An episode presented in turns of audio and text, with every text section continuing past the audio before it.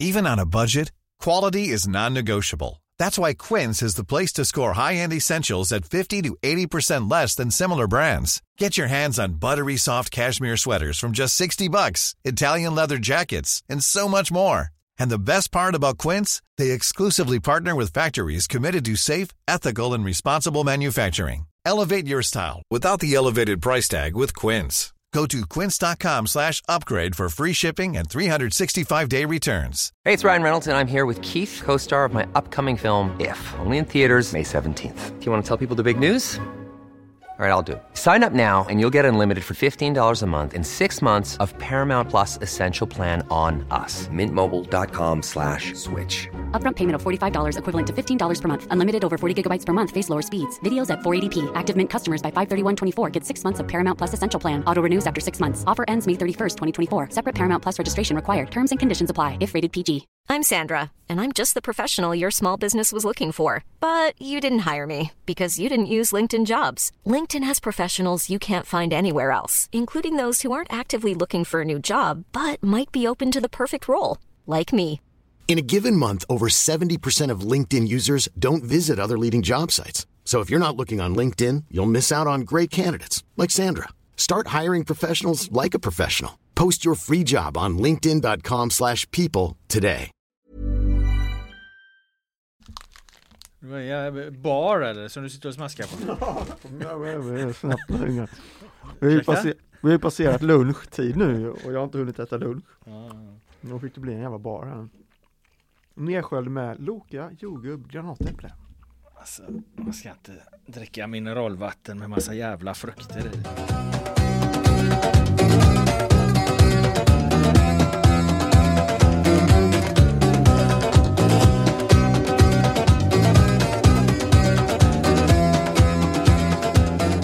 Hej och välkomna till GPs fotbollspodd som fortfarande saknar ett namn men där vi fokuserar på Göteborgsfotbollen i allmänhet och Göteborgsfotbollen i synnerhet. Blåvitt, Häcken, ÖIS, Utsikten och Gais, damer och herrar, pojkar och flickor, men framför allt vi plockar upp de mest intressanta diskussionsämnena och händelserna från fotbollens värld varje vecka. Vi som gör det är jag, Robert Laul, Linus Pettersson och Filip Troler. Men Filip, han är på skidsemester och glassar runt på någon stekig after ski just nu. Men Linus, du är här och vi ska ta oss igenom de hetaste frågorna kring våra lag just nu. Men först, det har ju precis varit landslagsuttagning. Vad studsade du till på? Först måste vi kritisera Filip för har han närvaro på plats en av tre poddar? Alltså, Ja, ja, vad är det här liksom? Ja, den är inte stark. Nej. Men jag tyckte att jag gav ju han en liten subtil känga där, men du tycker... Jag tycker att vi bör, kängan ska vara ännu större. Ja, det, här var, okej. det här är långt ifrån godkänt. Ja, eh, nu är inte Filip Troler här och kan försvara sig som de brukar säga i, i statstelevisionen, men eh, skitsamma. Eh, vad studsar du till på landslagsuttagningen? Eh, ja, eftersom det redan igår var det väl, började cirkulera uppgifter om att Elanga skulle komma med så studsade man inte så mycket på det. Eh, då var det väl mer Hergota, Branimir Hergota, Tysklandsproffset där som väl är med för typ första gången på åtta år eller något sådär. Eh, den såg man inte riktigt komma. Eh, kul för honom. Eh, och sen att Kajust, Jens Kajust inte var med. Där fattade jag väl som att han är skadad och inte ut, uttagningsbar om jag tolkade Jan Andersson rätt. Eh, Jesper Karlström med istället. Det var väl det jag studsade på. Vad studsade du på? Eh, jag följde den här eh, presskonferensen och eh, eh, ja, Elanga givetvis. Jan Andersson eh, motiverade varför. Han pratade om Elangas, just Elangas snabbhet och hans avslutsförmåga. De får liksom in den snabba djupledsspelaren med, med, med ett bra avslut. Då. Eh, Branimir Hergotas, precis som du sa, har inte varit med på, på åtta år. En poängspelare i Jan Anderssons värld, gör mål på, på, på allt, men, men men även mycket straffar och sådana grejer. Eh, Jesper Karlström beskrevs då som en tvåvägs mittfältare, mer mobil än stillasittande. Eh, som Janne uttryckte det, som har tagit eh, ett steg till i Polen då. Eh, det är ju den här gamla Djurgårdsmittfältaren då, eh, som ju var en överraskning, eh, eh helt klart. Eh, man kan väl se det lite lite den uttagningen Karlström där mot bakgrund av vad Janne Andersson också sa om att möta just Tjeckien då, att det är ett fysiskt lag, springer Mm. mycket och, och är aggressiva och att i den här matchen kommer det bli viktigt med spelare som kan hantera luft, luftspelet och skydda egen box. Som Janne uttryckte då. Han, han, han, han ser väl framför sig ganska mycket kamp helt enkelt. Men tror vi att Jesper Karlström kommer spela ändå? Ibland- Nej, Ibland känns det som att de här, ofta de spelarna man fastnar på, det är sådana som inte ens sätter, fo- sätter sin fot på planen när det väl blir match. Jag har svårt att se att Hergota heller kommer få någon speltid egentligen i de här matcherna. Eh, Så att ja, det blir en på något sätt oviktig diskussion men ändå intressant att föra. Så är det ju. Eh, Däremot så just den matchbilden där med, med att skydda egen box och, och hantera luftspelet, den lär ju bli, bli högst eh, relevant då.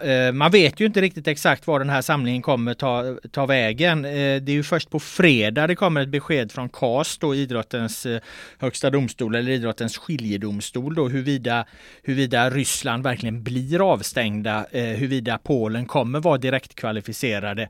Eh, och sen så handlar det också om att Sverige måste besegra då Tjeckien för att komma till den här eh, andra matchen. Så det är fortfarande ganska mycket som hänger i luften där. Vet du vad jag fick när jag hörde Håkan Sjöstrand, eh, eh, svenska eh, generalsekreteraren, han pratade lite innan Janne, innan trupputtagningen. Jag fick lite känslan av att jag undrar fan om inte KAS skjuter på det här alltså. Eh, han, han, han beskrev det ungefär som att det finns lite olika alternativ och ett alternativ är att, att eh, man helt enkelt eh, spelar playoffet i, i juni. Jag fick bara en liten känsla av att, att det skulle kunna bli en sån utgång. Jag menar om, om det här fördömda eländiga kriget tar slut om två veckor. Det är lik förbannat, det är ju inte fotbolls-VM förrän i december liksom. Måste man trycka in det i mars egentligen? Jag undrar om inte KAS skulle kunna hitta någon slags juridisk mellanväg där och kanske lägga det här i, i juni helt enkelt. Jag har ingen aning, jag bara, bara, det bara liksom slog mig. Undrar om de inte gör så. Och då, då blir det, denna samlingen blir bara Tjeckien-matchen då liksom och sen... eh, Ja, i så fall så Ja. då, då tolkar jag det som att det skulle bli så, så och så eh, tar man helt enkelt eh, eh, resten om det är möjligt i juni istället. Eh, Ja det känns men- ju ganska logiskt på något sätt för det är ju ingen, ur den synvinkeln är det ju ingen brådska som sagt med att spela eh, kvalmatcherna med tanke på att VM ligger som det gör. Nej, Så ur den synvinkeln är det klart man kan skjuta på det sen. Sen blir det ju bara krångligare och krångligare i hela den här soppan och det måste vara krångligt även för landslagsledningen hur man ska planera och nu är det i och för sig Tjeckien, nu vet man, nu scoutar vi dem, nu är det dem vi ska möta men sen i nästa match, hur blir det, vilka mö alltså det är och när då också om vi ska lägga till den faktorn också så krångligt alltihopa. så är det. På fredag får vi väl i alla fall ett, ett eh, delsvar då och jag eh, som sagt det var bara liksom en känsla som slog mig. Det är det liksom, ska man spela pengar på någonting är det väl ändå att de, de stryker eh, stryker ryssarna här eftersom de, de gick på Uefa-linjen då att de går på samma linje då när de ska förhålla sig till den här Fifa-avstängningen. Men det är också handlar svårt liksom för jag tycker ändå landslaget har ju varit ute, gått ut väldigt hårt liksom att vi kommer inte spela mot Ryssland oavsett om de heter Ryssland eller spelar i Ryssland eller någonting i koppling till Ryssland och även fast som du säger om kriget tar slut om två veckor, eh, vilket vi alla hoppas såklart så jag har ju svårt att det ändå ska svänga så snabbt i den frågan för det är ändå något fruktansvärt och, och det har ju ändå hänt det som har hänt så att det blir också då en fråga för landslaget, hur gör de då liksom? Vågar Ja, de stå på bli. sig då och säga nej fortfarande då, vilket jag kanske tycker att man borde göra liksom.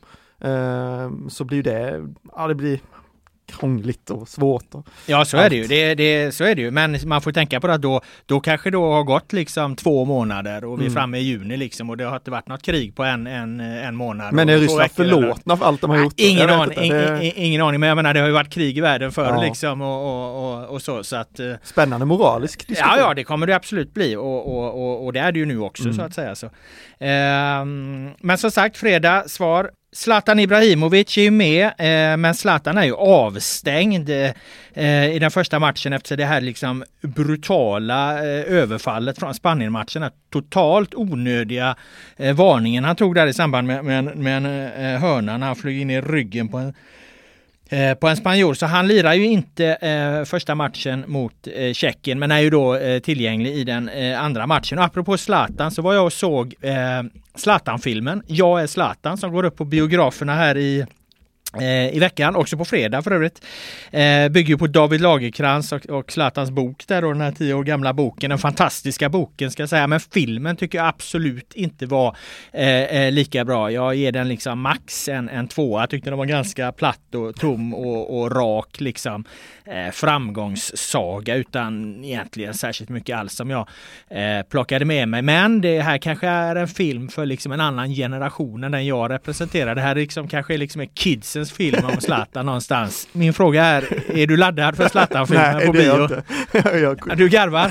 nej men jag, jag trodde du skulle säga att jag var, att jag, du drar en parallell till att jag var kidsen och levde i en annan, levde i någon annan, annan tid än vad du gör. Så tänkte jag på att jag snart fyller 32 och Ja, nej, nej, det, Nej, jag, eh, jag, jag är inte taggad för den här filmen. Eh, Jag hade nästan missat, jag visste att den skulle komma men jag hade ingen aning om att det var nu. Så att jag eh, kommer nog inte se den, den kommer säkert flimra förbi någon gång i framtiden kanske. Men jag kommer inte springa till biograferna för att se den. nej, då får min sågning ingen, ingen bakläxa från ditt håll Nej men i alla jag, fall. du är ju lite bioexpert, alltså självtitulerad och självutnämnd filmexpert kanske. Så ja, jag, väldigt självutnämnd Ja skulle jag exakt, säga. men, men med tanke på att jag är så långt ifrån det som, jag är väldigt långt ifrån det, så litar jag ju på ditt omdöme i det här fallet. Mm. Eh, så att jag, Inte i jag, andra fall då. Nej, inte men i andra fall, bara när det gäller filmer och sånt där. Så att, så att jag ställer mig, ställer mig bakom den här tvåan.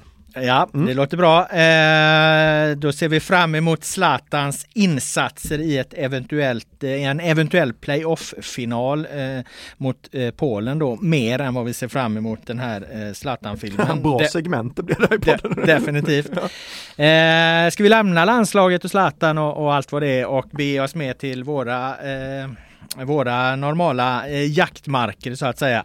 Eh, vi har ju här i stan bara ett lag som blir klart för eh, semifinal i Svenska Cupen. Och det är ju då BK Häcken FF som är klara för semifinal borta mot Hammarby till helgen efter tre raka segrar i gruppen. Eh, senast mot Kristianstad eh, där de vann då med 3-1.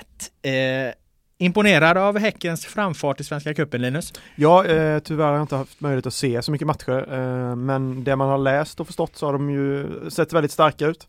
Eh, väldigt spännande tyckte jag, du var ju på plats senast så du får ju utveckla det här, men väldigt spännande de testade Elin Rubensson som ny eh, spjutspets. Eh, det har ju egentligen varit en följetong hela vintern här hur de ska ersätta Stina Blackstenius och det har ju inte kommit in någon ny spelare än eh, och så helt plötsligt ska man Elin Rubenssons eh, namn där uppe. Hon som var högerback i fjol är nu anfallare. Eh, det var väl min spaning eh, utifrån sett från den matchen. Ja, eh, och hon var otroligt bra där. Ja, det var så? Ja, ja. Hon är ju alltså, eh, fick jag reda på i samband med den här matchen, hon är snabbast i laget enligt testerna de har haft under, under vintern. Snabbast på 10-20 meter då som, som, som de beskrev det. Hon är mest uthållig enligt det här jojo-testet som alla lag gör. Hon har alltså bäst kondition då. Och tillade eh, tränare Robert Vilahamn när han berättade det här. Hon är väl förmodligen även bäst med bollen liksom. Så att eh, hon, hon, hon, hon, det är ju ingen, det är ingen slump att hon kan spela på så många olika positioner för att hon är så väldigt, väldigt bred och bra på väldigt mycket. Men hon, hon, hon gav ju laget en helt ny dimension när man ser någon som, som spelar där uppe som vet exakt när man ska ta löpningarna, trycka tillbaka eh, backlinjen, skapa ytor åt andra.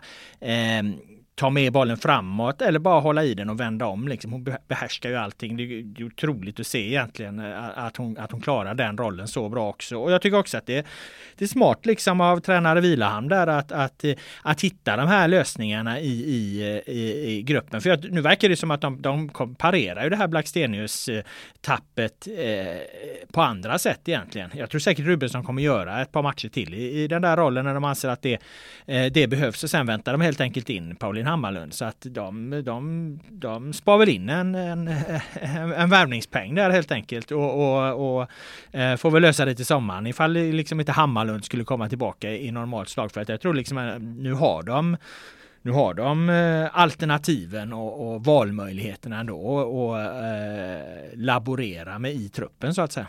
Ja, jag var ute på Häckens träning nu, herrarna då fokus, men damerna tränade samtidigt precis här nu. Och då sa Christian Lundström där att eh, hon den där nya anfallaren eh, som vi breakade här i podden för några veckor sedan. Ja, från eh, var det Tanzania? Ja, det va? var det nog. Unga Jag- 18-åriga Precis, tjejen. jag har glömt namnet Ja, på ja. henne. Men hon är på ingång nu och kommer tydligen i slutet av veckan. Så henne blir lite spännande att se också. Ja. Eh, men annars sa han att de tittar väl fortfarande efter anfallare sådär, så att de har väl inte helt stängt den dörren. Men du uppfattade det som att de, alltså det- Rubensson kan komma att fortsätta där uppe liksom. Det var inte bara så här Vilahamn som hade eh, fått någon blackout och skrivit fel i laguppställningen utan detta var ett seriöst test för framtiden också. Ja, ja, det var det absolut och hon var jättebra där och jag tror och hon var själv öppen för att spela där i, i fler matcher och jag frågade lite men vad fan ser du ute på landslaget? Du ville slå Mm. dig in som central mittfältare i landslaget och då var hon ungefär, ja just det, det kanske man ska tänka på också men det jag inte Det var ju därför hon inte ville spela högerback. För men det hade hon ja. inte riktigt tänkt på nu då så att eh, Nej nej jag menar inte att de ska permanentera henne där Jag menar bara att eftersom de har Hammarlund Det, det börjar bli liksom Det är inte så långt till Hammarlund tillbaka liksom och, och, eh, och de nu då kan ha henne i någon eh, Rubensson i någon match De kan ha Stine Larsen har spelat där i någon match eh, så, så tror jag liksom Och så får de in en, en ny eh, tjej från Tanzania då som visserligen är 18 år och ett vä- väldigt framtidsnamn men, men man kan släppa in henne via, via lite inhopp och så, så, så tror jag nog ändå att de, de hanterar så de tar liksom inte in någon jätteny tung anfallsförstärkning nu. Jag har väldigt svårt att se att Nej, och då det har de väl liksom. kanske inte hittat någon då. Nej. Eh, det, det är väl egentligen där, den slutsatsen man får dra, för de var ju högg lite på Rebecka Blomqvist där. Kändes det som, hon verkar ju vilja stanna i Tyskland och de var ju på lite andra spelare också som gick till lite av, eh, av större klubbarna ute i Europa där. Så att det är väl slutsatsen jag drar kanske att Mm. okej, vi har inte hittat någon tillräckligt bra nia, någon som är bättre än Stina Larsson och då får vi lösa det med det vi har. Så är det. Eh, En annan grej som var intressant eh, där det var ju att eh, Stine Larsen just då, hon spelade ju alltså eh, tia istället så hon låg, låg strax eh, bakom där och där brukar ju Andrine Hegerberg spela. Eh, eh, nu spelade Stine Larsen där och så kom Hegerberg in i andra halvlek och eh, eh, gör det ju klart mycket bättre. Jag tyckte Stine Larsen såg inte eh, särskilt stabil ut i, i, i den rollen heller. Det, det var liksom klasskillnad när, när Hegerberg eh, eh kom in och jag pratade lite med Vilahamn efter det, efter, Vilahamn efteråt och han, han antydde lite att ja men nu vet vi att hon kan sitta på bänken också. Och det kändes lite så här som den typen av, av av eh, markering att eh, en tränare som vill, eh, vill visa vem som bestämmer och ser hur ett stort namn hanterar att ibland eh, få sitta på bänken. Det känns precis som ett sånt, eh, sånt beslut eh, så att jag tror att Andrin Hegerberg kommer spela där eh, framöver. Men nu har Vilahamn visat eh, vem som är liksom, vem som är boss i det här laget och, och, och att han tar liksom inga fångar. Att här går det inte att leva på gamla meriter eller på, på vad man heter eller, eller så här liksom utan det är han som bestämmer och, och här jobbar vi för laget och, och, och så. Du förstår vad jag menar? Ja, ja, den typen liksom av, av, av markering någonstans. Men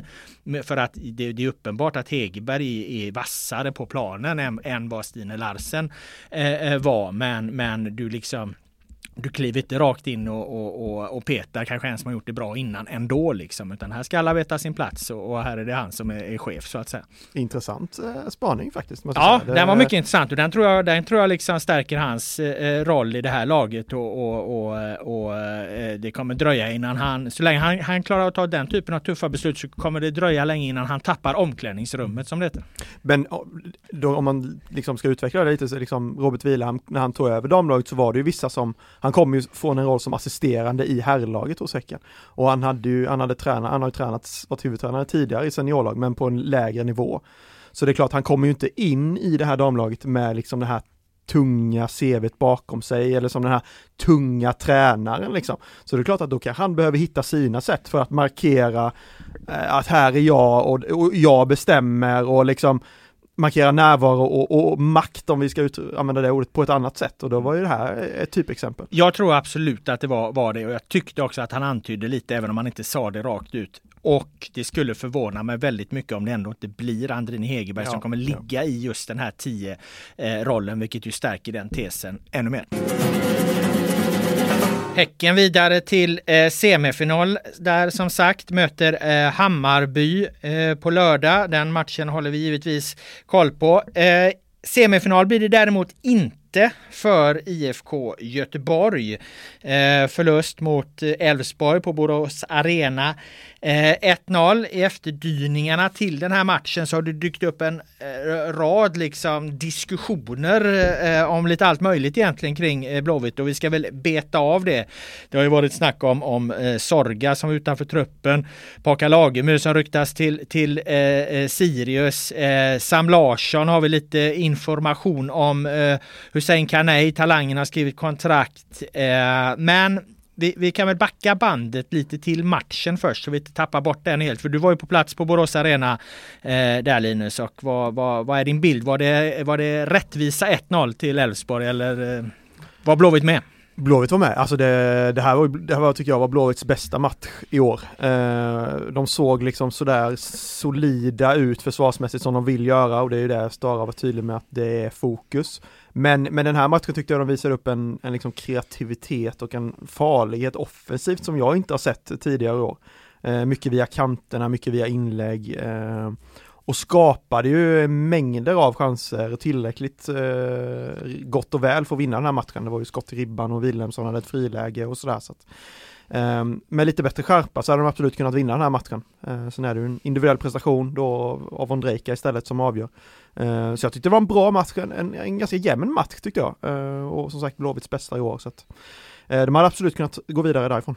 Och de var bra på egen kraft eh, snarare än att Elfsborg var dåliga eller var det var liksom en bra fotbollsmatch där? Ja men det tyckte jag och sen, sen kanske Elfsborg passar Blåvitt ganska bra att möta med tanke på att Elfsborg kliver ganska högt och anfaller med väldigt mycket folk, eh, fokuserar väldigt mycket på offensiven känns det som. Eh, och då får Blåvitt lite mer utrymme att anfalla på. Kanske speciellt på kanterna när liksom Ondrejka och ja, det var väl Ocke som spelade på andra kanten trycker upp ganska högt. Så finns det plats att spela på. Eh, så, så, det kan man väl väga med, men jag tyckte absolut att Blåvitt var, var bra på egen kraft och, och det känns som att Stara har ju pratat mycket om att så här, vi har tränat tufft och nu ska vi har fokuserat mycket på försvarsspel i vinter och nu ska vi börja släppa upp det lite och då kommer det nog se bättre ut. Och det var också en härlig pausintervju med Simon Tern där, där kommentatorerna frågade, ni, ni med gamla kroppar liksom, är det så att ni, de börjar mjukna upp här nu när solen kommer fram och det börjar bli grönt och varmt och ja, Tern höll väl med om det delvis och det kan väl ligga någonting i det också så att eh, ja men kanske ett litet tecken på att Blåvitt börjar eh, trampa igång lite bättre i alla fall än vad de har gjort hittills. Om man då lägger på, på att den här matchen spelades på bortaplan och eh, den spelades på plastgräs så kan man ju då eh, lägga till att eh, har du ett IFK Göteborg som spelar på naturgräs med tanke på det spelarmaterialet de har med de här veteranerna som ju är grässpelare. På samma sätt som att det finns liksom konstgrässpelare så finns det även klassiska grässpelare och en majoritet av, av dem eh, eh, håller ju till just IFK Göteborg med med, liksom med Bjärsmyr och Gustav Svensson och Berg och det är ju liksom utpräglade eh, som har varit hela sina li, fotbollsliv på gräs liksom och som är bättre där. Plus eh, att vi vet eh, från i höstas att IFK Göteborg är starkare när de får sin hemmapublik i ryggen, vilket ju i princip alla lag är. Det är ju samma med när jag var uppe på Hammarby mot Häcken här och de har liksom sin publik i ryggen så, så växer de ju av det liksom. Så att om du tar den prestationen då de ändå gör mot mot eh, Elfsborg borta och så lägger du till gräs och du lägger till hemmapublik eh, är det dags att liksom eh, ompröva allt du har sagt tidigare att det är Häcken som liksom har legat lite före här. IFK Göteborg i kapp och förbi. Shit, det har ju svängt en del nu faktiskt, det får man ändå säga under de senaste. Vi, vi satt ju imponerades av Häcken under hela lägret där nere Försäsongsmästarna. Ja, eller hur? Och sen helt plötsligt smälls de till av Hammarby med 4-0 och, och ute. Nu har inte de spelat så dess, så det var svårt att se hur de har reagerat på det. Men Nej, jag, jag hade nog fortfarande Häcken som det, det starkare laget där, men, men klart är att detta var ett steg framåt för IFK Göteborg. Mm. Jag tycker det, och det ska vi nämna också, mm. med tanke på allt vi har sagt innan. Eh, att allt skulle vara frid och fröjd i IFK Göteborg däremot då, det innebär det ju inte, för det finns ju alltid, alltid liksom... Är det någonsin det? mycket saker som alltid dyker upp där. Den största debatten som jag måste säga, du får rätta mig om jag har fel här, för du har egentligen eh, varit, varit inne mer i det här. Det är ju den här enorma diskussionen som uppstod om Erik Sorga precis eh, Eh, efter just Elfsborgsmatchen att han inte hade varit med i, i, i truppen eh, Eh, på, på två matcher då, vare sig mot Mjällby eller Elfsborg då. Och, eh, alltså jag tycker inte att det här är jättekonstigt. Jag har liksom, vare sig när han värvades eller någon gång efteråt, eh, överhuvudtaget sett att, att, att han är någon superspelare på något sätt. Eh, jag har inte haft särskilt stora förväntningar överhuvudtaget på honom. Jag tycker inte det är jättekonstigt att han är, är petad. Det kanske är lite anmärkningsvärt att han inte är, är, är med i truppen, men det känns liksom som en ren konkurrensbedömning av, av eh, Micke Stare och det finns liksom inga, vad jag kan se i alla fall, argument till att han skulle vara närmre startelvan. Ändå har det blivit en jättefråga kring det här och som sagt, du har ju varit inne och grävt lite i den. vad, vad, vad säger du? Oh, alltså det är klart att det blir, det blir ju alltid en grej när du värvar en spelare och sen är, är den spelaren inte med i truppen ens när det väl är match. Han har gjort, han gjorde ett inhopp mot Landskrona på åtta minuter, det är det enda han har spelat i cupen. Alltså jag förstår att diskussionen kommer.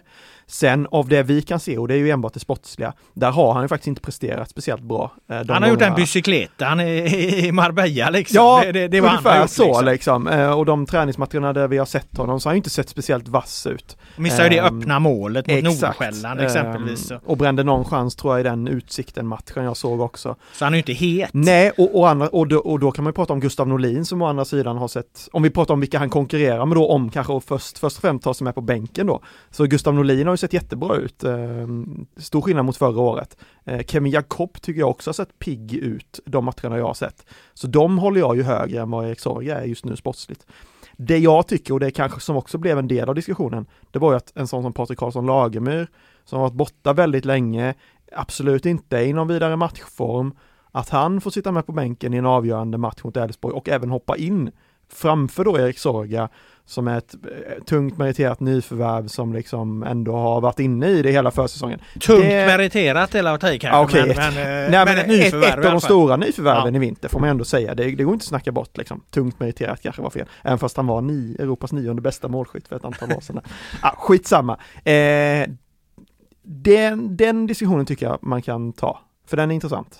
Uh, och, det, och Paka har ju varit en av de andra diskussionerna kring IFK Ja precis, om, du, om vi även går, ändå går in på, på, på Paka då, eftersom du leder in det på det spåret så, så uh, var ju det, det var ju frågetecken kring varför han också byttes in när han byttes in i det läget. För han går väl före till exempel Jakob då när det är 12 minuter kvar och, och de jagar, jagar kvittering. Ja, Jakob eh, kom väl inte in? Nej, Jakob kom heller inte nej, in liksom, utan, utan det är Paka då. Så Paka går före Sorga i truppen och han går före Jakob i, i bytet där trots att han inte är, är matchuttränare. Alltså jag tror inte att det är krångligare än så än att, att eh, Paka Lagemyr levererar en jättesågningen i pausen, eh, Utsikten, vilket kan ses som någon form liksom av, av kontaktannons liksom. Hallå, jag är, jag är up for grabs liksom om ni eh, vill värva mig. Sen dyker det upp, eh, sen visar det sig att Sirius är intresserade av honom. Det här kom visserligen fram dagen efter Elfsborgsmatchen, men, men de är ju intresserade av honom innan, även om det kom fram då. Eh, eh, Sirius fotboll, alla fattar ju den passar Paka mycket bättre liksom än Stares modernt retro. Eh, Parker är ju samtidigt populär bland fansen. Stare vill säkert ha kvar honom i, i, i truppen, vill väl förmodligen i alla fall inte liksom för IFK Göteborgs del tappa honom gratis till, till Sirius när kontraktet nu går ut. Så man visar att man tror på honom genom att slänga in honom när det är 12 minuter kvar i, i, en, i, en, i en match mot Elfsborg då. Eh, inte på något vis att, att man liksom va, vaskar en, en Elfsborgsmatch, men, men att det, det, det är ändå liksom det är ändå så det är ändå så liten påverkan med ett byte när det är 12 minuter kvar så då kan du lika gärna liksom för den stora helheten visa att du tror på, på Paka genom att ge honom den här chansen så han ska känna liksom att han vill stanna kvar i IFK Göteborg. Jag tror att eh, sådana hänsyn och överväganden måste du absolut göra som fotbollstränare ibland. Ja, ja, alltså jag köper resonemanget eh, rakt av utan att ha liksom någon någon källa eller någon liksom uppgift på att det är så, men jag, jag köper ju resonemanget rakt av. Det är klart att de, om de vill behålla Paka vars kontrakt går ut efter säsongen, så är det klart att de måste visa förtroende. Sen håller jag väl inte med om att det är lite påverkan att slänga in någon med 12 minuter kvar, för de IFK Göteborg misslyckades ju helt med att få till någon form av forceringsfas. Eh, och, och det ska ju inte Paka lastas för att han kom in, men men att inte slänga in en spelare som Kevin Jakob som faktiskt har sett riktigt pigg ut, eller då för den delen har Sorga som till skillnad mot Paka är mer den här kanske straffområdesspelaren och boxspelaren som faktiskt kan göra det där målet. Det resonemanget köper jag nog inte riktigt. Eh, Men då måste jag fråga, för att eh, Stare kan vi ändå räkna med, han kan mer fotboll än både du och jag Absolut. tillsammans. Varför gör han då inte det uppenbara? Varför tar han inte Jakob? Varför har han inte Sorga? Det, det, måste finnas en anledning till att han tar in Paka i det läget och då kan jag bara komma till en slutsats. han tar in Paka för att, att det, det här situationen runt omkring finns och han måste visa förtroende. Ja, jo men jag, som sagt jag köper resonemanget. Om det inte har hänt någonting bakom kulisserna som inte vi vet, eh, så kan det också vara. Men jag köper resonemanget rakt av, men jag tycker det, det är anmärkningsvärt. Eh, för att, inte, återigen, inte, inte på något sätt att han sumpar matchen. Men jag, men jag måste ändå säga att jag tror att forceringsfasen hade kunnat bli bättre. Eh, utifrån vad man har sett av till exempel en sån som Kevin Jacob, om han hade kommit in. Och därför tycker jag att det, tycker det är anmärkningsvärt. Eh, en annan grej om Sorga som är intressant som jag ska fråga dig om, för du gjorde en intervju med honom. Eh, det var ju det här, det här är ju egentligen från Mjällby-matchen då. Eh, när han är på, uh, inte med på bänken där och det framstår ju lite i, i, din, i citatet han säger till dig att han är på väg mot bänken och så kommer en dam och säger du ska sitta på läktaren. Vet han inte om att han är på läktaren? Nej, eller hur ska man tolka det? Liksom? Det verkade faktiskt inte som att han gjorde det och inte heller mot Elfsborg utan att han, uh, jag vet inte om IFK Göteborg har det så, tyvärr hann jag ju prata med Stare och han hann åka iväg så att jag kunde inte ta honom efter att jag hade pratat med Sorga men tydligen är det ju så att spelarna verkar inte veta. De värmer upp med laget och sen är det någon då som får gå upp och sätta sig på läktaren för de är väl alltid en mer egentligen eh, i regel. Eh, och... Men tränaren måste informera dem om detta tänker jag? Eller? Ja, eller jag vet inte om det är liksom att de så avvaktar om det händer något på uppvärmning men det känns ju väldigt konstigt att inte informera det i alla fall innan då man går ut till planen. För Saga sa, men jag gick där med, liksom hade skorna, matchskorna på och på. Det kommer någon dam till mig och säger stopp, nej, nej, nej, du ska inte in på planen, liksom, du ska sitta här på läktaren. Eh, ja. Väldigt konstigt, vi får följa upp det med Stara, jag har inte hunnit göra det än, men eh, ja, väldigt ja, märklig situation. Ja, alltså det, det för ju tankarna till någon form av liksom utfrysning eller någonting, för att det, alltså, det måste ju, måste ju berätta för spelare vad som gäller. Ni är på bänken och du är på läktaren. Liksom. Ja, det borde det, inte vara så Så funkar det ju i 110 procent. Så att, så att eh, eh antingen så har ju Sorga då eh, inte förstått eller så, så har ju Stare begått ett, ett, ganska stort misstag liksom om han inte har informerat vem som är 19 man liksom. Vem som sitter på, på, på, på läktaren. Då har, ju tränaren, då har ju tränaren gjort ett uppenbart fel. Eh, eller så har Sorga missuppfattat det helt enkelt och inte tagit in, in information. Ja men som det har hänt liksom. i två, verkar ha hänt både mot eh, Mjällby då först på Vallala där eh, och sen även mot Elfsborg. Så, så som jag tolkar det, på Saga liksom och, eh, så känns det inte som ett misstag utan då verkar det som att det är kanske så de har det. Ja. Eh, vi tar lite eh, kring eller krokvägar eh, fram mellan våra resonemang här. Eh, för att om vi backar lite till Paka då som eventuellt är på väg bort här då, eller i alla fall så finns ju det här då Eh, ryktet om, om Sirius, sen om det är agentplacerat eller inte. Men jag tänker eh, ytterligare en, en grej om det och det är att eh, eh, Patrik Karlsson Lagemyr har ju en specifik eh, agentfirma som han jobbar med och samma agenter jobbar nu med Sam Larsson, för Sam Larsson har bytt agent så att Sam, Sam Larsson har, har, har också den här agentfirman eh, eh då och eh, jag tänker lite skulle, skulle Paka Lagemyr vet, kunna, eventuellt kunna veta att Sam Larsson är på väg in eftersom de har samma agenter och då fattar han att okej, okay, tar de in Sam Larsson då är det liksom spel, då, då kommer jag inte få mycket speltid där för de är lite liknande spelartyper och så vidare. Förstår oh, du min tanke? Vilken konspirations... Jag älskar den! Den är jättebra Ja, du köper den. Här avslöjar vi att Sam Larsson är, är klar för Blåvitt liksom. Genom Paka Lagemyr ja. och den eh, nya agentkonstellationen. ja. Shit! Alltså det skulle ju kunna vara så. Jag, återigen, jag har inga överhuvudtaget några belägg för det här. Men, men, men eh, lägger man pusslet så skulle ett pussel kunna se ut så. Eller så betyder det överhuvudtaget ingenting. Fast det är roligt att tänka att det betyder någonting. Så är det ju. Och ändå, Sam Larsson är ju hemma i Göteborg. Uh, han tränar med IFK Göteborg. Uh, sen verkar det har ju känts som att han ska bryta sitt kontrakt där borta i Kina. Men det verkar han ju inte ha gjort än. Utan han verkar ju sitta på det kontraktet som löper även över det här året. Eh, det är samma som Danielssons, Marcus Danielssons ja, situation. Så, ja. Är ju inte heller, jag har inte heller brutit sitt kontrakt. Och det är ju lite konstigt. Med, med Djurgården. För det kändes som att det ganska snabbt efter att de åkte ur ryktades och pratades om att nu kommer kontrakten brytas för det är ju ganska många av de här mest välbetalda spelarna som har lämnat Kina under det senaste året, eh, ett och ett halvt, två åren kanske. Um, så att ja, först det, det steget kanske, men när väl det kickar in, då tror jag på din konspirationsteori. Ja, nämligen, jag har dock ytterligare en konspirationsteori oh. här som eventuellt hänger ihop. Och det var ju att i samma veva kom ju även beskedet om att Hussein Kanei får eh, fyraårskontrakt, eh, talangen som då tar upp en definitiv truppplats, som ju också är en, en, eh, en, en spelare som Pocka Lagemyr skulle konkurrera med.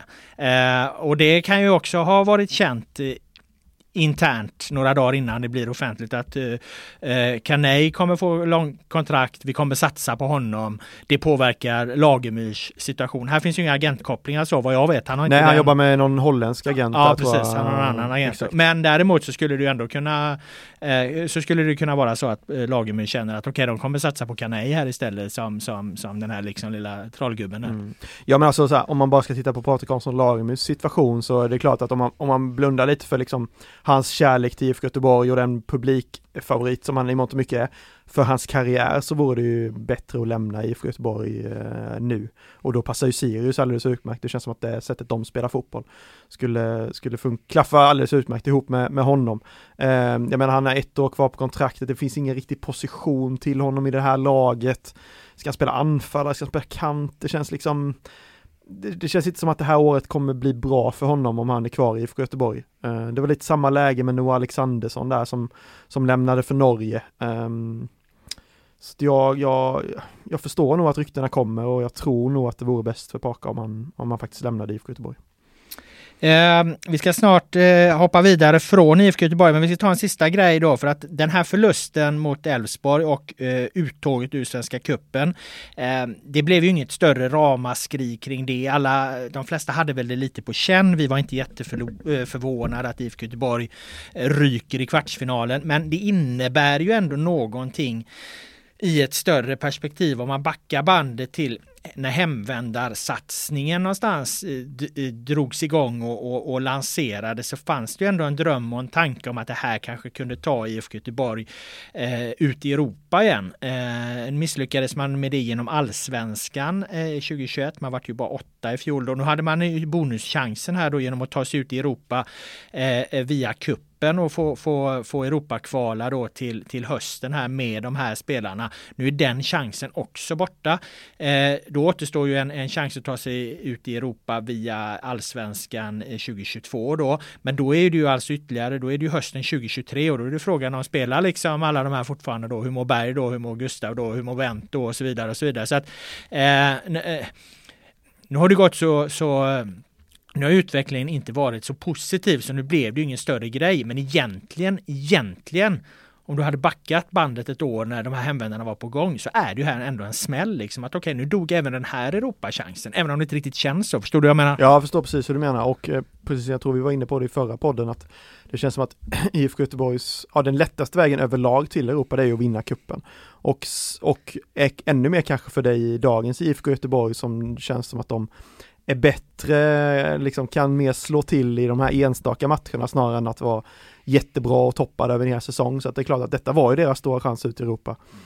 Eh, och förutom liksom smällen med, med kopplat till hemvändare och sådär så blir det även en ekonomisk smäll att inte lyckas ta det steget ut. Eh, så att eh, absolut, eh, även fast det inte var förvånande så, så klart negativt för klubben. Eh, och det innebär ju någonstans också då kanske att, eh, nu vet vi inte vad det blir för resultat 2022 här, men, men, men, men liksom effekten av alla de här hemvändarna egentligen ganska stor, stor risk att den blir noll och intet egentligen. Ja, ja men så är det. Vad var, var det Stefan Andreasson i Elfsborg sa att de hade netto på Conference League, då 10 miljoner eller någonting? Ja exakt, de fick in 10, 12 miljoner intäkter och, och, ett netto på 10 miljoner och då gick de ju för fan inte ens dit liksom. Nej. Utan de spelade två kvalmatcher, eller fyra kvalmatcher totalt då. Och då var inte publikintäkter heller inräknade utan det är pengar från Uefa. Och utan att veta, jag vet inte, det kanske hade täckt sign-onen för eh, några av hemvändarna i alla fall. Ja det hade det garanterat gjort. Vi har ju andra lag eh, här i stan, inga som har eh, heller gått vidare då till eh, någonstans i Svenska Kuppen. Däremot har det varit en del intressanta årsmöten som vi ska ta oss an och jag var på Häckens årsmöte men du var på Gais årsmöte Linus. Så jag tänkte att vi, vi, vi, vi ska börja där. Gais har haft ny, årsmöte, valt ny ordföranden och hanterat aktuella frågor. Hur var din upplevelse? Um. Alltså jag vet inte var jag ska börja. Oj då. Nej men alltså så här, jag var ju på eh, det första medlemsmötet de hade i december efter att de hade åkt ur. Och då var det liksom begravningsstämning och då, då var det liksom då ställdes alla de här kritiska frågorna, ordförande Jonas Andersson och Jonas Östergaard, som då hade meddelat att de skulle lämna. De fick ta rätt mycket skit, vilket är befogat eftersom Gais hade åkt ur elitfotbollen. Och det är ju där det är de här mötena är till för att medlemmar ska komma dit och liksom kritisera och ställa liksom de valda till svars.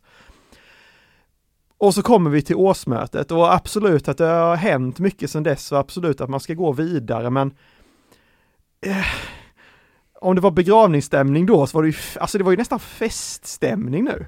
Oj! Nej men jag vet inte, allt avslutades med en stående ovation till när alla nyförvärvade fram och pratat och det var applåder och det var Alltså jag vet inte om jag jag blev frustrerad bara. Men måste man inte vända blad Jo, och det- liksom lägga det gamla bakom sig och nu tittar vi framåt och nu måste vi ingjuta mod i styrkorna och... Jo men abs- absolut, jag köper det och det är klart man inte ska liksom hålla på och vara kritisk i all evighet men men ta en, en, en sak som liksom ordförandeskapet. Okej, Jonas Andersson lämnar, alla tyckte han hade ett, gjort ett jättedåligt jobb och såklart han hade gjort för att de hade åkt ner, eh, ner från superettan. Ja, Då får han ta det och kliva bort.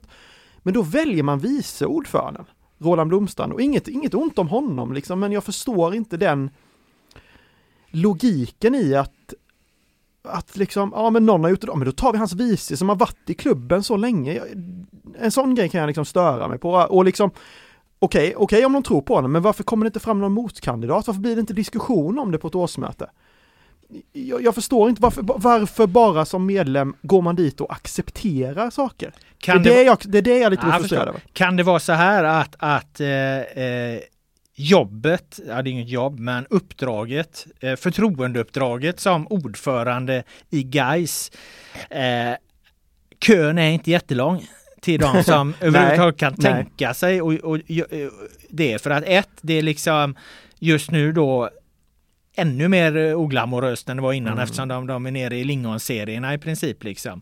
Eh, två, de får en jävla massa skit liksom av en del falanger i, i supporterleden då. Eh, nu är det ytterligheter då, du talar om en ytterlighet på årsmötet när det är applåder, men sen har vi ju liksom Sen har vi de här liksom som står, står och, och gapar och slänger skit på dem efter matcher och, och, och, och, och den delen liksom. Och det kan vara hot och det kan Mm, vara mm, annat mm. jävla elände liksom. Det är inte så jävla många som, som, som är beredda och, och, eh, och hoppa på det där uppdraget helt enkelt. Nej, så kan det absolut vara och det är möjligt att jag är mer frustrerad än vad jag borde vara. Men Nej, nej, och, och, och att man ska gå vidare och absolut och allt sådär och, och sen ska det väl sägas att det kanske inte är de mest eh, det är väl kanske inte de mest hardcore supportrarna heller som går på de här årsmötena. Ehm, det ska väl också läggas till i ekvationen liksom men jag bara slog, jag ska, jag ska skriva en text om det vad det lider också, jag slogs bara av hur snabbt liksom man ställer om och hur snabbt man liksom eh, och det kanske är en styrka också att man glömmer liksom men men, men, men Roland Blomstrand stod liksom och pratade om att vi ska göra, alltså liksom att då är Gais en allsvensk klubb och vi ska, vi ska få tillbaka Gais till allsvenskan. Han, alltså att, att allsvenskan ens nämns under ett årsmöte med Gais just nu. Nej, det är ju patetiskt, det, håller jag det, med är om. liksom ett, det, det, jag, vet- Om jag ska liksom sammanfatta min frustration så tror jag det, tycker jag det, att det har gått för fort. Det har gått för fort från att man liksom står och kastar skit och man är kritisk och man är eh, eh, liksom tvingar bort folk egentligen eh, i, i december till att man nu eh, har helt svängt och allt verkar vara så himla bra liksom. Du vill ha liksom som eh, med Corona och Tegnell här, du behöver en haverikommission här liksom där vi pe- pekar ut ansvar, ansvar och brister liksom på ett, på Ja. ett, på ett tydligt dokumenterat sätt. Eh, lägger skulden där den verkligen hör hemma och hamrar fast det liksom i, i, i, i, i stadgarna mer eller mindre. Liksom. Ungefär så. Och, och sen går vi vidare. Ja, liksom. det, det här Kanske så ja. ja. Eller att man liksom ändå, det har ju också, vi, har, vi har ju också skrivit om, om liksom kritik från, som har kommit internt från, från den här mediegruppen och ideella krafter och det, och det, liksom, det är folk som har sagt upp sig, det är knappt någon personal kvar uppe på, på Gaisgården. Det kommer inte några sådana frågor på årsmötet. Det diskuteras inte. Så ehm, Nej, då är det ju väldigt mycket skygglappar på. Alltså Ja, man tog inte, ens, så. tog inte ens upp det här. Det är ju Nej. lite synd att det, att det eh, jag menar, den svenska föreningsdemokratin är ju fantastisk. Eh, att, att vi har den här möjligheten. Men det är synd då liksom att det blir så att det står liksom ett gäng huvudklädda eh, unga män och skriker och gormar efter matcher. Och du har ett par liksom eh, eh, okritiska, eh, halvblinda eldsjälar som står och applåderar på ett årsmöte. Att liksom inte alla de här samsas på Ja. årsmötet och har en konstruktiv diskussion och, och, och liksom utnyttjar föreningsdemokratins kraft istället. Liksom att det blir så jävla liksom polariserat och fra fragmentiserat och vad fan det heter. Ja, och det, Alltså, det är kanske där som är, det jag kanske inte ska vara frustrerad på guys. jag kanske ska vara frustrerad på medlemmar och årsmöten överlag. För jag var, nu var det 100, jag tror det var 122 röstberättigade på plats på Gais årsmöte. Jag tror Ö- Örgryte hade 83. Och det är alltså två av Göteborgs största föreningar. IFK Göteborg, jag tror de var, det var strax över 200 tror jag och sen var det väl några som följde det via länk och sådär men Men det är ju, det är ju pinsamma siffror. Det Ändå väl är de, för hårt. Ändå är rätt höga. Ändå, ja, ändå är ja. de rätt höga i, om man sätter dem i en kontext. Jag såg Hammarby nu hade 200 på sitt eh, årsmöte. Jag vet att AIK, när det stormade som mest i AIK, de verkligen mobiliserade.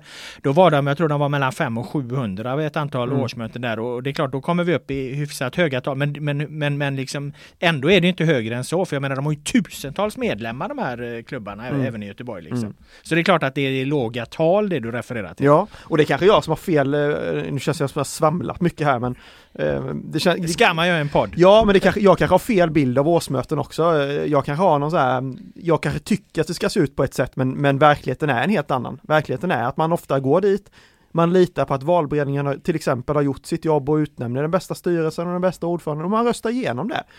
Ja, men jag kanske tycker att, man, att det borde vara lite annorlunda. Särskilt när en stor klubb som Gais har åkt ur elitfotbollen, då tycker jag att det borde se annorlunda ut även på ett årsmöte. Får jag ge då ett, ett, ett, eh, bra exempel på hur det kan se ut på ett Mm. årsmöte? För jag var ju nämligen då på Häckens årsmöte och eh, det, det var ju väldigt intressant för att eh, där var det alltså en, en, i samband med att de skulle godkänna den ekonomiska eh, bokslutet helt enkelt, de ekonomiska siffrorna, det ekonomiska resultatet och eh, att styrelsen skulle då få ansvarsfrihet för detta. Eh, så gick frågan ut till medlemmarna. Det var 74 röstberättigade medlemmar på Häcken, vilket ju är, är väldigt lite eftersom det här rörde ju, ju ju hela Häcken så att säga. Så att det är klart det är väldigt lite där också. Men i alla fall, eh, frågan gick ut och en, en supporter där, Erik Ranesjö, eh, eh, ställer sig upp och, och eh, tar upp en sak som han har noterat väl dold i årsredovisningen att att de har ett leasingavtal som alltså ökat från 66 miljoner 2020 till 175 miljoner eh, eh 2021. Och det här är alltså då, det, det är liksom Häckens enskilt eh, högsta ekonomiska åtagande någonsin om jag förstod det rätt. Alltså, de har alltså ett leasingavtal på 175 eh, miljoner som i första hand då handlar om, om eh, Gotia Park Academy, att de bygger ut den och alla, alla planer då. Och det är liksom ett leasingavtal eh, med eh, valberedningens ordförande slash sponsorn Hasse Bula Andersson då som äger marken, äger,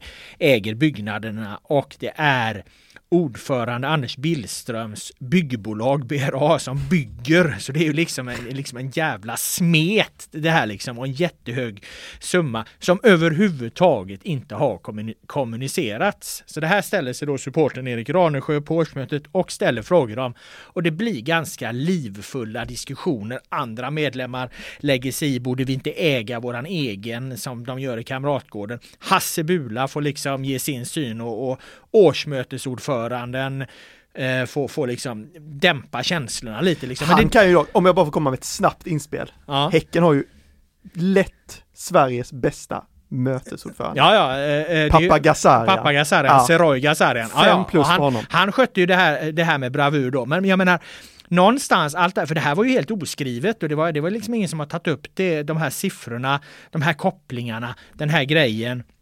Eh, utan den dyker då upp på årsmötet, blir en diskussion om det och alla är väl hyfsat nöjda och, och och glada till, till slut och även om den här supporten Ranesjö, jag intervjuade honom efteråt, han, han menar på liksom att han tycker fortfarande den här dealen är lite eh, småskum. Och det är klart att det är ju lite liksom det blir ju lite, lite, det är lite småklubbskänsla över att liksom ordföranden har sitt bolag och valberedningens ordförande och sponsorn, han, han äger marken och, och, och, och så sitter de i samma båt allihopa liksom någonstans. Eh, så det, det, det, det, det, är ju lite, det är ju lite lurigt så, det, det, det kan jag absolut hålla med. Men vad jag menar är att, att det är ett, det var ett fint exempel på, på hur det ska fungera på, på, på ett årsmöte liksom. Alltså har styrelsen inte informerat ordentligt, då ska de ju få höra det på årsmötet. Och då ska man ta upp det och så ska man ställa sina frågor och så får de se till att ge bra svar. Och de bad ju om ursäkt för, för att, att ja, vi borde ha informerat medlemmarna om, om det här på ett annat sätt. Liksom, sa ju då kassören.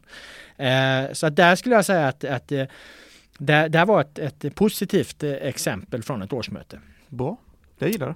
Ja. jag, då kan jag berätta, i kontrast ska, ska jag berätta när det var som mest ilsket under Gais årsmöte. Ja.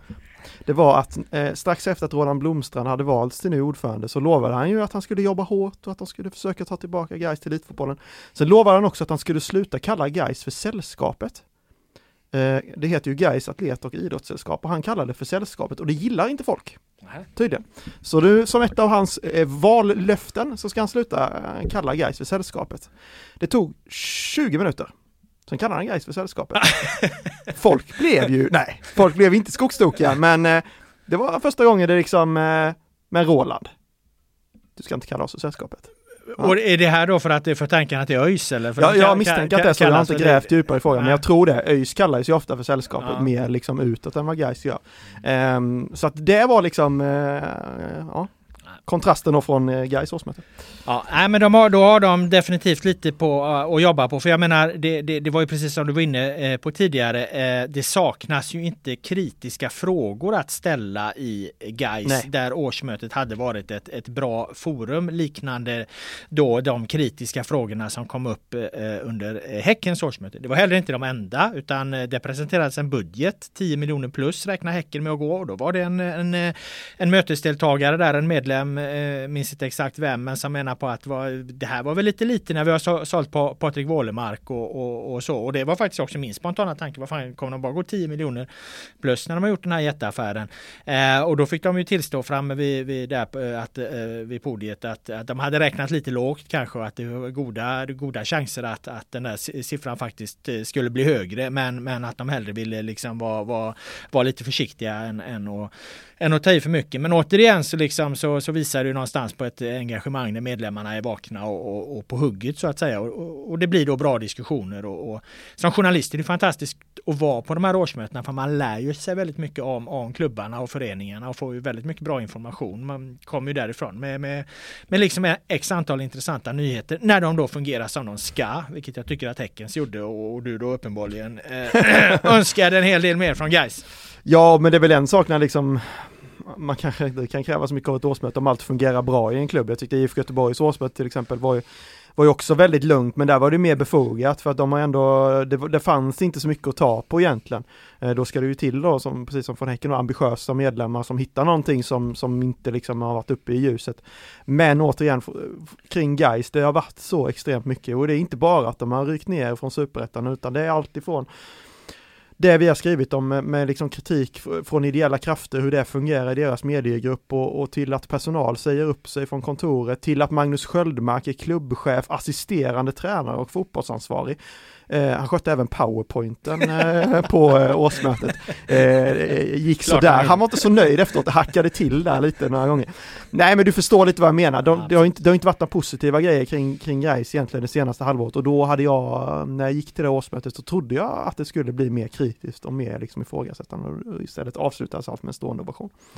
Eh, kan skicka med till IFK Göteborgs nästa årsmöte där då apropå att det blev en jämförelse där mellan att äga sin egen träningsanläggning anläggning eh, som ju Blåvitt numera gör när de har köpt loss Kamratgården och att lisa den då som, som, eh, som Häcken gör här då att eh, en sak som dök upp med anledning av Häcken här och som jag tror att medlemmarna faktiskt inte har fått information om IFK Göteborg kan ha fel. Det är att eh, eh, det har hela tiden pratats om, om själva kostnaderna för Kamratgården, vad det kostar. Men faktum är ju att IFK Göteborg hyr ju även marken och betalar där till eh, Göteborgs kommun. Och det tror jag, det undrar jag om inte de har liksom, eh, det har nog försvunnit lite mm. i alla IFK Göteborgs kalkyler här, att det ska faktiskt till en till kostnad där. Vad kostar det varje månad för IFK Göteborg att, att, att, att betala eh, för marken där uppe. Det, det, det, tror jag inte. I alla fall lades det upp så eh, från Häckens håll att, eh, att i det här priset ingår ju inte bara byggnaderna utan här ingår även markhyran då. IFK Göteborg så handlar det bara egentligen om byggnaderna och så, mm. inte själva markhyran. Så att det skulle till exempel kunna varit en fråga för IFK Göteborgs medlemmar. Hur förhåller det sig egentligen med, med markhyra till Göteborgs kommun här? För det är de som då äger marken om jag har förstått det här ja. rätt. Så där har de en fråga till nästa årsmöte.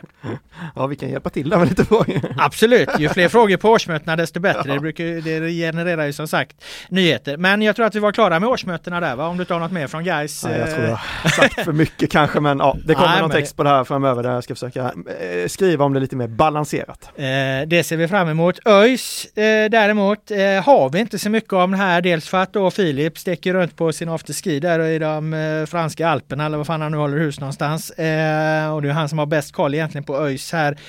dessutom är ju ÖIS då på träningsläger i Salou, någonting utanför Barcelona i alla fall. De är, inte på den spanska solkusten där vi var men de är, är, är, i Spanien. Alla vägar bär till Spanien nu för tiden vad det verkar. Eh, fast utanför Barcelona då som sagt. Eh, har du hört något hur de eh, har det där nere? Sett lite bilder bara, Ja, inte hört någonting. ser det bra ut? Nej, ser bra ut. Ja. Det är inte Marbella men det är ju... Nej, precis, inte Marbella-klass. Nej, men vi återkommer till, till, till, till ÖIS så fort de eh, är tillbaka på eh, svensk mark givetvis. Eh, däremot har vi lite lyssnarfrågor som jag har fått in, samlat in via sociala medier. Erik Broman undrar, eh, är Blåvitts spelartrupp klar? Eh, inga nya in om ingen lämnar. Eh, vilka förändringar tror ni det blir i sommar? Eh, potentiella nyförvärv. Tack för en eh, trevlig eh, podd. Jag tror inte att IFK Göteborg gör några mer eh, nyförvärv här nu de, de eh, eh, sista dagarna. Det skulle i alla fall eh, förvåna mig. Det skulle vara Sam Larsson då, som vi be, berörde innan att, att man får, får chansen att göra en sån riktig liksom, dynamitgrej som lossnar här. Men, men, men i övrigt så känns det som att de, de, de här nyförvärven de har gjort, de är ju inte som, som vi varit inne på, Sorgan är ju inte ens med i truppen. Liksom. Det är ju det är liksom komplement eh, eh, till, till liksom en startelva. Stare har ju sina gubbar som han tror på. Det är det här han kommer köra på liksom. Och, och eh, nyförvärven som har gjorts har ju, har ju mycket varit då, då för att bredda truppen. Jag tror inte heller, precis som du säger, jag tror jag är inne på samma linje som dig. Eh, Max Sam Larsson. Sen eh, är jag ju fortfarande som jag har varit inne på länge, jag, att jag tycker att de borde, borde värva en mittback till. Eh, där känns de tunna. Och även en, eh, en vänsterbacks backup till Oskar Wendt. Eh, Jallow spelade ju där senast, eh, gjorde det väl det helt okej, men det är ju inte alls hans position. Eh, så de borde inte vara klara, men jag tror också att de är det. Ja.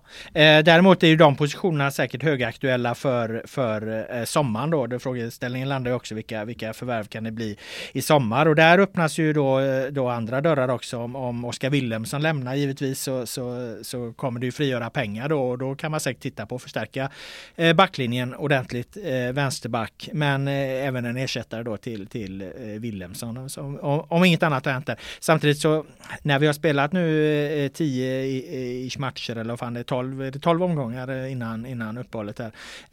Eh, så kan det ju dykt upp en rad andra frågeställningar också. Det är lite vanskligt där att, att, spekulera exakt eh, vad som behövs. Klart är ju att de lag som gör bra sommarförstärkningar brukar, brukar tjäna ganska mycket på, mycket på det. Mm, ja men så är det och sen har ju IFK Göteborg ytterligare problem med att de sitter på väldigt många spelare som har utgående kontrakt så att på något sätt blir ju sommarfönstret också ett ganska stort arbete med det. Eh, Tobias Sanna, Hossam Aiesh till exempel, bara för att nämna två av startspelarna liksom. Kevin Jakob också då, om vi, om vi ponerar att Willemsson säljs så kanske även Kevin Jakob försvinner så att det, det, finns rätt mycket att göra i, IFK Göteborg fram till sommaren. Frågan är vem som ska göra det också. Ja, det vet vi fortfarande inte. Även om jag noterade att i pressmeddelandet när eh, Hussein Kanei eh, hade förlängt så var det Mikael Stare som, som gjorde de här liksom, eh, pliktskyldiga citaten då, där, där de ska förklara varför han har fått just si och så många år och, och varför de tror på honom och, och, varför det här är bra. Det där är ju liksom ett sätt att, att synas då. De valde de att, att låta Mikael Stare synas i, i, i den här rollen så att det kanske lutar åt manager Stare i alla fall. Ja men det gör väl det. det. Som jag har förstått det så är det väl, det är ju det är Mikael Stare, det är Håkan Mild och klubbdirektör Marcus Hermansson, ekonomichef och Jonas Olsson, eh, akademichef, eh, som liksom har det är bland dem som liksom Pontus Svaneruds uppgifter har fördelats. Sen finns ju också Jonas Henriksson där som sitter i styrelsen och i sportrådet. Um, så att det har liksom lagts ut på ganska många olika personer men, men det blir ju Micke Stare som får ta de här frågorna. Mm. Uh, det blir ju logiskt så att det är honom man, man tar kontakt med när det kommer rykten nu. Uh, Mild får ju lite mer övergripande frågor känns det som. Uh, Daniel Lundström undrar om IFK Göteborg borde spela 3-5-2 alternativt 3-4-3 istället för 4-4-2 som Mr Lind Mak, alltså Mark Lind och Norrbys tränare som är ute och, och, och vevar. Duell skillnaden mellan Mark Lind och Micke Stare växer sig bara större och större och större. Ja, han tyckte det en, en podd då. Eh, nej, här är jag, här är jag eh, team Stare då för att eh, parafrasera en, en, aktuell annan podd. Eh, nej, men här, här, eh, här, eh, ja, jag ser ingen anledning till att de ska gå in och och, och eh, röja i liksom ändra formationer och så här för mycket nu. Jag menar nu, nu har de ändå liksom nu har, nu har de precis kickat eh, eh, Pontus Farnerud. De har, har, har Mild och Stare som har väldigt eh, likartad syn. De har en stor del av de bärande spelarna i truppen står för en, en viss sorts fotboll. Det känns ändå som att man, om vi bortser från Paka Lagemyr, så har de liksom ett gäng som drar åt någorlunda samma håll just nu. Då får man väl någonstans försöka så här, utnyttja den kraften och inte liksom eh, eh Eh, kvart i tolv på natten liksom, vad är det, två veckor från premiären, bara ändra allting igen nu. Det vore ju liksom fullständigt hål i huvudet. Nu har man ju bestämt sig, det är det här vi ska göra, det är det här vi har tränat hela, hela jävla eh, vintern på. Eh, vi, vi har den här formationen, vi har liksom en 4-4-3 eh, eh, plan B-grej för, för eventuellt för konstgräsmatcher och när vi måste stärka upp centralt mittfält. Men, men, men, men, men att utöver det liksom bara röra och rota i för mycket när man trots allt känns ganska enig eniga och ganska övertygade, ganska bestämda om vad det är man vill göra. Sen kan man tycka vad man vill om det, men, men, men man, man, man drar ändå, upplever jag, majoriteten drar ändå åt samma håll just nu. Så att, så att, eh, att eh, göra som Mark Lind eh, då föreslår här, riva upp allting, som sagt, det tycker jag skulle vara hål i huvudet. Ja, jag håller med. Jag lyssnade faktiskt på den podden alldeles nyligen och han hade ju väldigt kloka resonemang, Mark Lind, det får man ändå säga. Just det med att spela med tre mittbackar motiverade han ju med att då får du in Bernardo Villar och kan mer kan använda sin vänsterfot. Du får upp, kan trycka upp dina wingbacks bättre, Oskar Wendt och Emil Salomonsson eller om då Alexander Jallow spelar där.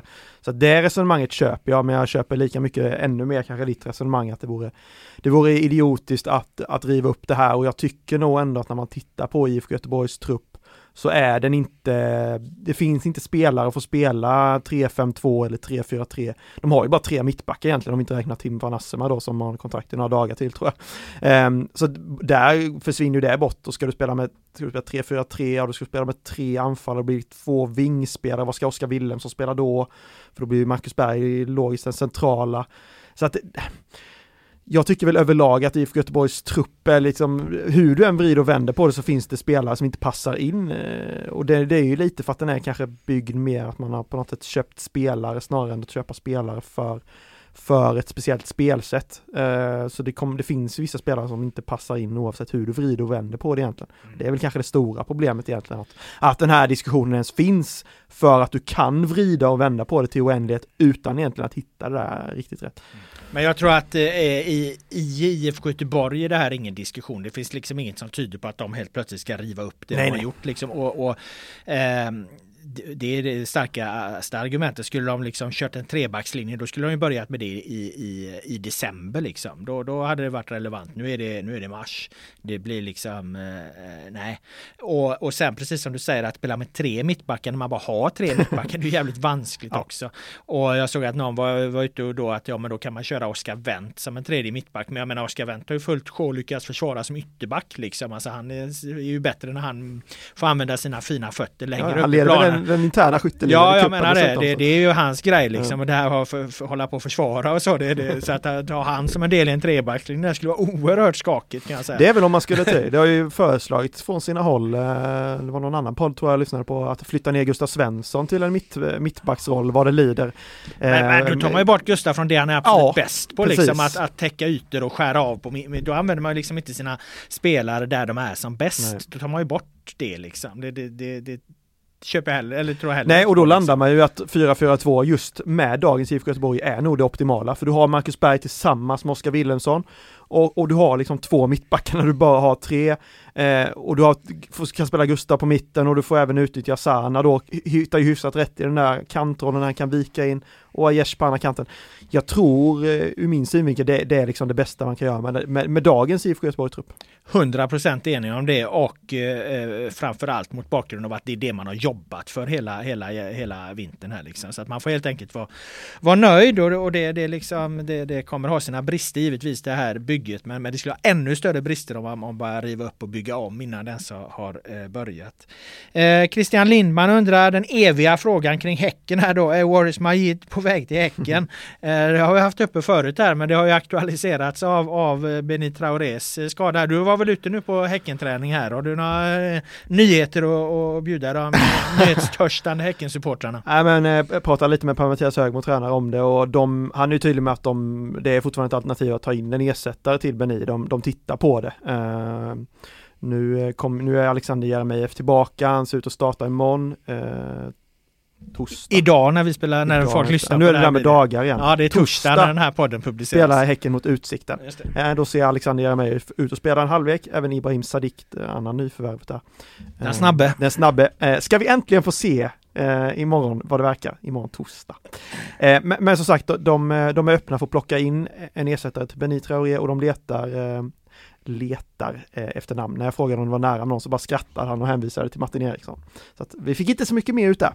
Vad gäller Warriors eh, så eh, det jag hör eh, är att det inte finns något konkret just nu, men, men att det är, verkar faktiskt vara ett alternativ för honom att flytta hem till sommar. Han ser ju ändå Göteborg faktiskt lite av ett hem eh, och har, ska någon gång ha sagt liksom att han vill tillbaka hit efter karriären och, och till och med bosätta sig här. Eh, vilket då absolut talar för en, en återkomst. Eh, även Carlos Strandberg sitter på utgående kontrakt. Eh, Simon Gustav sitter, sitter på utgående kontrakt. Så det finns lite så här gamla, eh, med Häcken eh, hemvända mått mätt, stora namn eh, som kan bli aktuella. Eh, Martin Eriksson har bekräftat kontrakt med Warris och med, med Simon i alla fall. Men, men Warriors är från sommaren då, inte att det blir någon, någon liksom sen, sen premiärbana? Det hade ju liksom. blivit en uh, riktig knall om de hade lyckats lösa honom nu. Jag har svårt att se det. Uh, han, har ju, han hade ju det lite tufft med speltid, han är i Frankrike nu, hade lite tufft med speltid ett tag där, men verkar ha kommit igång och spela lite igen nu. Uh, jag har inte inte hört något det senaste att han skulle vara aktuell, men det hade ju varit en, en riktig knall om de hade lyckats lösa honom här nu. Dock kanske lite för stort namn kanske, eller om du har Jeremejeff där också och du ska in i Ibrahim Sadiq. Det känns som att de kanske ja, jag vet inte, magkänslan säger nog att han inte kommer komma nu. Nej, då får vi hoppas att eh, eh, Häckenfansen var nöjda med svaret på eh, den frågan. Jag hoppas att eh, alla andra som har lyssnat är nöjda, för det här var nämligen vad, vad vi har att eh, bjuda på idag. Jag tackar dig eh, Linus för din som vanligt utmärkta eh, insats. Eh, jag tackar alla er som har lyssnat och podden utan namn är tillbaka nästa vecka. Ha det gott!